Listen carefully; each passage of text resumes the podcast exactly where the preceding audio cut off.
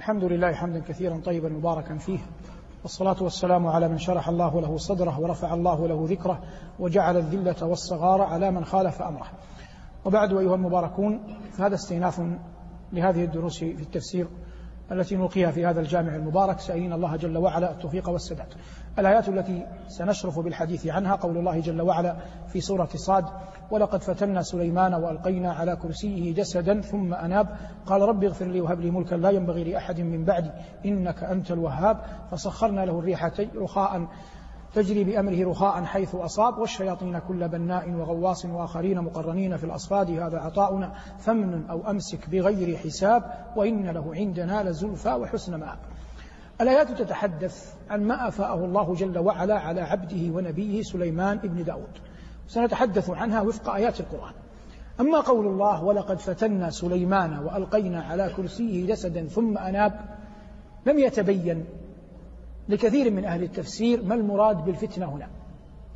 ونقلت في هذه المسألة إسرائيليات لا يمكن قبولها في حق أحد الناس فضلا على أن تقبل في نبي قال الله عنه وإن له عندنا لزلفى وحسن مآب قال الله بعدها قال رب اغفر لي. وهذا من جنس الإنابة التي ذكرها الله قبلها. فسأل الله المغفرة. والمغفرة معناها ستر الله على الذنب ومحوه ولهذا يسمى الذي يوضع غطاء للرأس في الحروب يسمى مغفر لأنه يستر الرأس عن أن يضرب. قال الله جل وعلا عنه قال رب اغفر لي وهب لي ملكا لا ينبغي لأحد من بعدي. هنا تحتمل الآية كم معنى؟ تحتمل معنيين. بعض أهل العلم يقول إن معنى قوله جل شأنه عن عبده سليمان هب لي ملكا لا ينبغي لأحد من بعدي أي ملكا باق في حياتي لا يتسلط علي بعد فيه أحد يسلبني إياه. قالوا الذي دفع سليمان إلى هذا أنه سلط على كرسيه قبل قبل هذا الدعاء. قالوا هذا معنى وألقينا على كرسيه جسدا. أي أن جمعا من الجن تسلطوا على كرسيه سلبوه إياه أياما أو أقل أو أكثر فأراد أن يبقى له ملكه حتى يموت فقال رب هب لي ملكا لا ينبغي لأحد من بعدي أي في حياتي. هذا قول طائفة من العلماء وأرادوا بهذا أمرين. الأول أن يبينوا علاقة الآية بالتي قبلها. وأرادوا بالثانية أن لا يتهم نبي الله بأنه يحب الخير لنفسه ولا يحبه لغيره.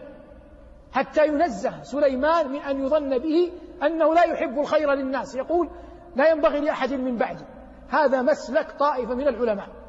وظاهر القرآن وعليه الجمهور وهو الصحيح إن شاء الله أن المقصود بقوله لا ينبغي لأحد من بعدي أي إلى قيام إلى قيام الساعة. وكلمة من بعدي هنا بمعنى من دوني. يعني لا ينبغي لأحد غيري. لا ينبغي لأحد من بعدي إنك أنت الوهاب. كيف الجواب؟ على من يقول كيف يظن بنبي الله أن يطلب, أن يطلب هذا ويمنع غيره الخير؟ والجواب عن هذا عقليا. سليمان دعا هذا الدعاء ونحن لم نسمعه. كيف عرفنا أن سليمان دعا؟ الله جل وعلا أخبرنا. الله لا يمكن أن يمدح بأمر سيء. الله لا يمدح إلا بعظيم. قال واذكر في الكتاب مريم ومدحها. واذكر في الكتاب إبراهيم ومدحه. فدل هذا على أن هذا الدعاء الذي قاله سليمان بينه وبين الله قبل أن نعلمه الله جل وعلا ألهمه إياه وقبله منه تكريمة له. ولهذا قاله الله جل وعلا في كتابه وأخبرنا عنه. ولا لو قدر أن هذا أمرا ينقص من قدره عليه السلام لما أخبرنا الله جل وعلا به. ولو كانت هفوة أو زلة من زلاته على الفرضية الجدلية لما تمدح الله مدح الله جل وعلا سليمان به. لكن فقهنا أن الله جل وعلا هو الذي ألهمه سليمان وجعله محببا إلى قلبه هذا الدعاء وهو الذي استجاب له تكريمة له وهو الذي أخبرنا عنه تبارك اسمه. قال جل وعلا وهب لي ملكا لا ينبغي لأحد من بعدي إنك أنت الوهاب. يعلم أن هذا لا يقدر عليه إلا الله. وحري بالمؤمن قبل أن يدعو أن يستصحب علما بأن الله على كل شيء قدير. قال الله فسخرنا. هنا هنا إخبار عن الإجابة. فسخرنا له الريح تجري بأمره رخاء حيث أصاب. يأتي إشكال. أين الإشكال؟ أن الله قال هنا رخاء ومعنى رخاء لينة. وقال في الأنبياء ولسليمان الريح عاصفة. فاختلف العلماء في الجمع ما بين آية الأنبياء وآية صاد فقال بعضهم ولسليمان الريح عاصفة أي سخرنا لسليمان الريح التي أصلها أن تعصف فجعلناها له لينة حتى يبين تمام النعمة عليه. هذا مسلك. مسلك آخر قيل إنها لينة إذا أراد وعاصفة إذا أراد. فتكون في أحوال عاصفة لحاجته إليها وتكون في حال أخرى عاصفة. وقال آخرون إنها عاصفة في أول نشأتها لينة إذا استقر عليها والأول لعله أرجح ولا أجزم به العلم عند الله. فسخرنا له الريح تجري بأمره رخاء حيث أصاب. قال في سبأ غدوها شهر ورواحها شهر. تجري بأمره رخاء حيث أصاب. أصاب هنا ليست من الصواب الذي هو ضد الخطأ. أصاب هنا ليست من الصواب الذي هو ضد الخطأ. وإنما بمعنى أراد حيث أصاب حيث أراد حيث قصد. ثم قال جل وعلا والشياطين أي وسخرنا له الشياطين. مفردها شيطان وهي تقال على متمرد الجن. والشياطين كل بناء وغواص. والواو تقتضي المغايرة عطف. أي أن فئة من الشياطين تبني له ما يشاء من قصور محاريب تماثيل. وفئة أخرى من الجن من الشياطين تستخرج له اللؤلؤ والمحار من البحار. وهذا كله إكراما من الله جل وعلا لهذا النبي الملك ابن نبي الله داود. والشياطين كل بناء صيغة مبالغة من بنى وغواص صيغة مبالغة من غاصة. كل بناء وغواص وآخرين مقرنين في الأصفاد. الواو نفسها واو عطف لكنها تقتضي المغايرة. لكن المغايرة هنا تحتاج إلى أن ينيخ المرء مطاياه لما ينيخ المطايا؟ هل معنى قول الله وآخرين؟ أي وآخرين؟ يصبح مغايرة في الصفات أو مغايرة في الذوات. وهذه لمن يطلب العلم ويريد التفسير لا بد أن يفقهها يوجد تغاير في الذوات ويوجد تغاير في في الصفات. معنى الآية وآخرين مقرنين. إذا قلنا إنها في الصفات يصبح المعنى جن يبنون وجن يغوصون وجن مقيدون. كلهم شياطين. هذا تغاير في ماذا؟ في الصفات. إذا قلنا إنها تغاير في الذوات يصبح المعنى وآخرين مقرنين في الأصوات في من غير ماذا؟ من غير الجن. يعني آخرين غير الجن. أصبح تغير تغاير أين في الذوات أو في الصفات؟ في الذوات. لماذا قلت إنها مهمة؟ حتى تفهم كلام الله. الله يقول وهو الذي يمدح ذاته العلية وهو الذي في السماء إله وفي الأرض إله. وهو الحكيم العليم هذا العطف تغاير في الذوات أو تغاير في الصفات. تغاير في الصفات. الله واحد. لكن معنى الآية أن من صفات الله أنه إله لمن من؟ لمن في السماء. ومعنى الآية أن الله الذي لا رب غيره إله لمن؟ ماذا؟ لمن في الأرض. فهذا تغاير في الصفات لا تغاير في الذوات. فالله واحد لا رب غيره ولا إله سواه. لو لم يفقه المؤمن هذا الأمر يقع في إشكالات لأن التكرار النكرة عند في قواعد اللغة يعني التغاير كما حرره السيوطي وغيره. فمثلا الله جل وعلا يقول فإن مع العسر يسرا إن مع العسر يسرا. فاليسر الأول غير اليسر الثاني لأن نكرة مكررة والنكرة إذا كررت لا تعني الأول. فيأتي إنسان يقول أنت تقول أن النكرة إذا عطفت أو تكررت لا تعني الأولى. وتقول إله والله قال وهو الذي في السماء إله وإله نكرة. وفي الأرض إله وإله نكرة. نقول هذا تغاير في الصفات لا لا في الذوات. مثال والله يقول سبح اسم ربك الأعلى الذي خلق فسوى. هذا من صفاته. والذي قدر فهدى هذا من من صفاته. والذي أخرج المرعى هذا من صفاته. فهذه الصفات ثلاث الأولى غير الثانية والثانية غير الثالثة. لكنها تتكلم عن ذات واحدة هي ذات هي ذات الله. فالتغاير في الذوات غير التغاير في الصفات. فقوله جل وعلا وآخرين مقرنين في الأصفاد الأصل الأرجح أنه تغاير في الصفات لا في الذوات. لأنه قلنا أنه تغاير في الذوات لا يوجد إلا جن أو أو إنس. وليس هناك مصلحة في أن يؤتى بالإنس يقيدون. لكن الجن يقيدون حتى يكف فسادهم وشرهم عن الناس. وآخرين مقرنين في الأصفاد جمع صفد وهو القيد. هذا بعض ما أفاءه الله جل وعلا على هذا النبي الصالح. قال الله بعدها وآخرين مقرنين في الأصفاد هذا الذي تراه الذي تتحكم فيه الذي سخر لك عطاؤنا أي عطاء الله. ولو شاء أن يسلبه لسلبه.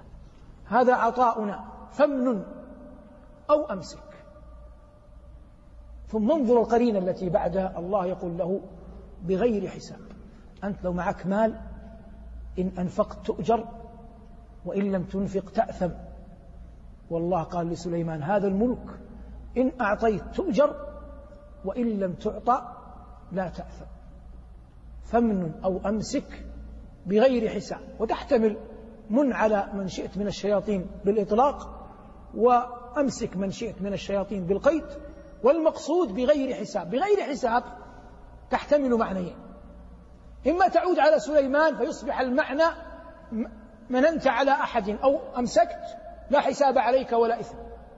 وإما أن يصبح المعنى أن عطاء تصبح هذه جملة معترضة فيصبح المعنى هذا عطاؤنا بغير حساب لك. لكن في في المنتهى المقصود واحد. فخذ ما شئت امن بما شئت أعطي من شئت لأن الذي يعطيك وهو ربك يملك كل شيء. فيظهر هنا جليا عظيم استجابة الله جل وعلا لدعاء هذا النبي الصالح. يبقى حديث أن النبي عليه الصلاة والسلام ما في الصحيحين من حديث أبي هريرة قال إن عفريتا من الجن تفلت علي الليلة ليقطع علي صلاتي. فهممت أن أمسكه وأربطه إلى سارية من سوار المسجد حتى تروه كلكم. فتذكرت دعوة أخي سليمان. وهذا يشكل. أين الإشكال؟ لأن ظاهر الحديث أن النبي صلى الله عليه وسلم كان يقدر أن يربطه. لكنه لما تذكر دعوة سليمان تأدب مع مع سليمان. وهذه حجة من قال التفسير الأول ملكا لا ينبغي لأحد من بعدي أي في حياته لكن يجاب عن هذا الإشكال. لو قدر أن النبي صلى الله عليه وسلم كما هو ظاهر الحديث يقدر على أن يربط هذا الجنية في سارية المسجد هذا لا يقدح في ملك سليمان لأن ليست قضية سليمان كلها محصورة في أنه له سلطة على الجن لأن الملك هو أعظم من هذا. الله جل وعلا قال وحشر لسليمان جنوده من الجن والإنس والطير فهم يوزعون وقال وعلمنا منطق الطير وهذا أمر مستفيض فلا يمكن القياس من جهة واحدة في ملك سليمان عليه السلام. وهذا فضل من الله يؤتيه من يشاء ليمضي قدر الله. قال الله جل وعلا هذا عطاؤنا فمن أو أمسك بغير حساب. من تأمل سنن الله في خلقه تبين له أن كلما عظم حظ المرء من الدنيا قل ماذا؟ قل حظه من الآخرة. هذا الأصل. كلما عظم حظ المرء من الدنيا كلما قل حظه من الآخرة فالفقراء يدخلون الجنة قبل الأغنياء. حتى إن فقراء المهاجرين يطرقون باب الجنة تقول لهم الملائكة وحسبتم يقولون وعلى أي شيء نحاسب. إنما كانت سيوفنا على عواتقنا ويذكرون باقي الحديث. قال عليه السلام فيقيلون في الجنة أربعين عاما قبل أن يدخلها الناس. هذا الأصل له استثناءات. منها هذا النبي الكريم قال الله جل وعلا حتى لا يفهم أن حظ سليمان يقل في الآخرة قال الله وإن له عندنا لزلفى وحسن مآب. وإن له عندنا لزلفى وحسن مآب. تأتي مسألة النبي صلى الله عليه وسلم في أول بعثته خير بين أن يكون نبيا ملكا ونبيا عبدا. فنرجع للقاء الماضي وهو الشورى. فنظر إلى جبريل. قبل أن يتفوه قبل أن يجيب. فأشار إليه جبريل أن تواضع. فاختار أن يكون نبيا عبدا لا نبيا ملكا. فلما اختار عليه الصلاة والسلام أن يكون نبيا عبدا آتاه الله جل وعلا المقام المحمود الذي يغبطه عليه الأولون والآخرون صلوات الله وسلامه عليه يقول لواء الحمد بيدي إبراهيم فمن سواه تحت لوائي. وهذا يدل على شرف إبراهيم ويدل على شرفه صلى الله عليه وسلم وإن له عندنا لزلفى وحسن مآب. من هذا يفقه وهذه لإخوان العلماء والدعاة والوعاظ في المقام الأول ينبغي على أمثالنا ممن يصدرهم الناس أن يتقي الله في آخرته وألا يفرح بما هو فيه في الدنيا لأن الله قال عن خليله إبراهيم إذ قال له ربه أسلم قال أسلمت لرب العالمين وأثنى الله عليه كثيرا قال الله وآتيناه أجره في الدنيا وحتى لا يفهم أن أجره في الدنيا أضاع أجره في الآخرة قال وإنه في الآخرة لمن لمن الصالحين. فينبغي أن تعلق قلوب العلماء والدعاة والوعاظ والحفاظ والأئمة في المقام الأول بالله وأن يخشى على نفسه من أجر الدنيا أن يكون مانعا من من أجر الآخرة. وهذا عظيم جدا استصحابه لكن التوفيق له بيد الله جل وعلا. متعنا الله وإياكم متاع الصالحين. صلى الله على محمد وآله. والحمد لله رب العالمين. لو أنزلنا هذا القرآن على جبل لرأيته خاشعا لرأيته خاشعا متصدعا خشية الله. وتلك الأمثال نضربها للناس لعلهم يتفكرون.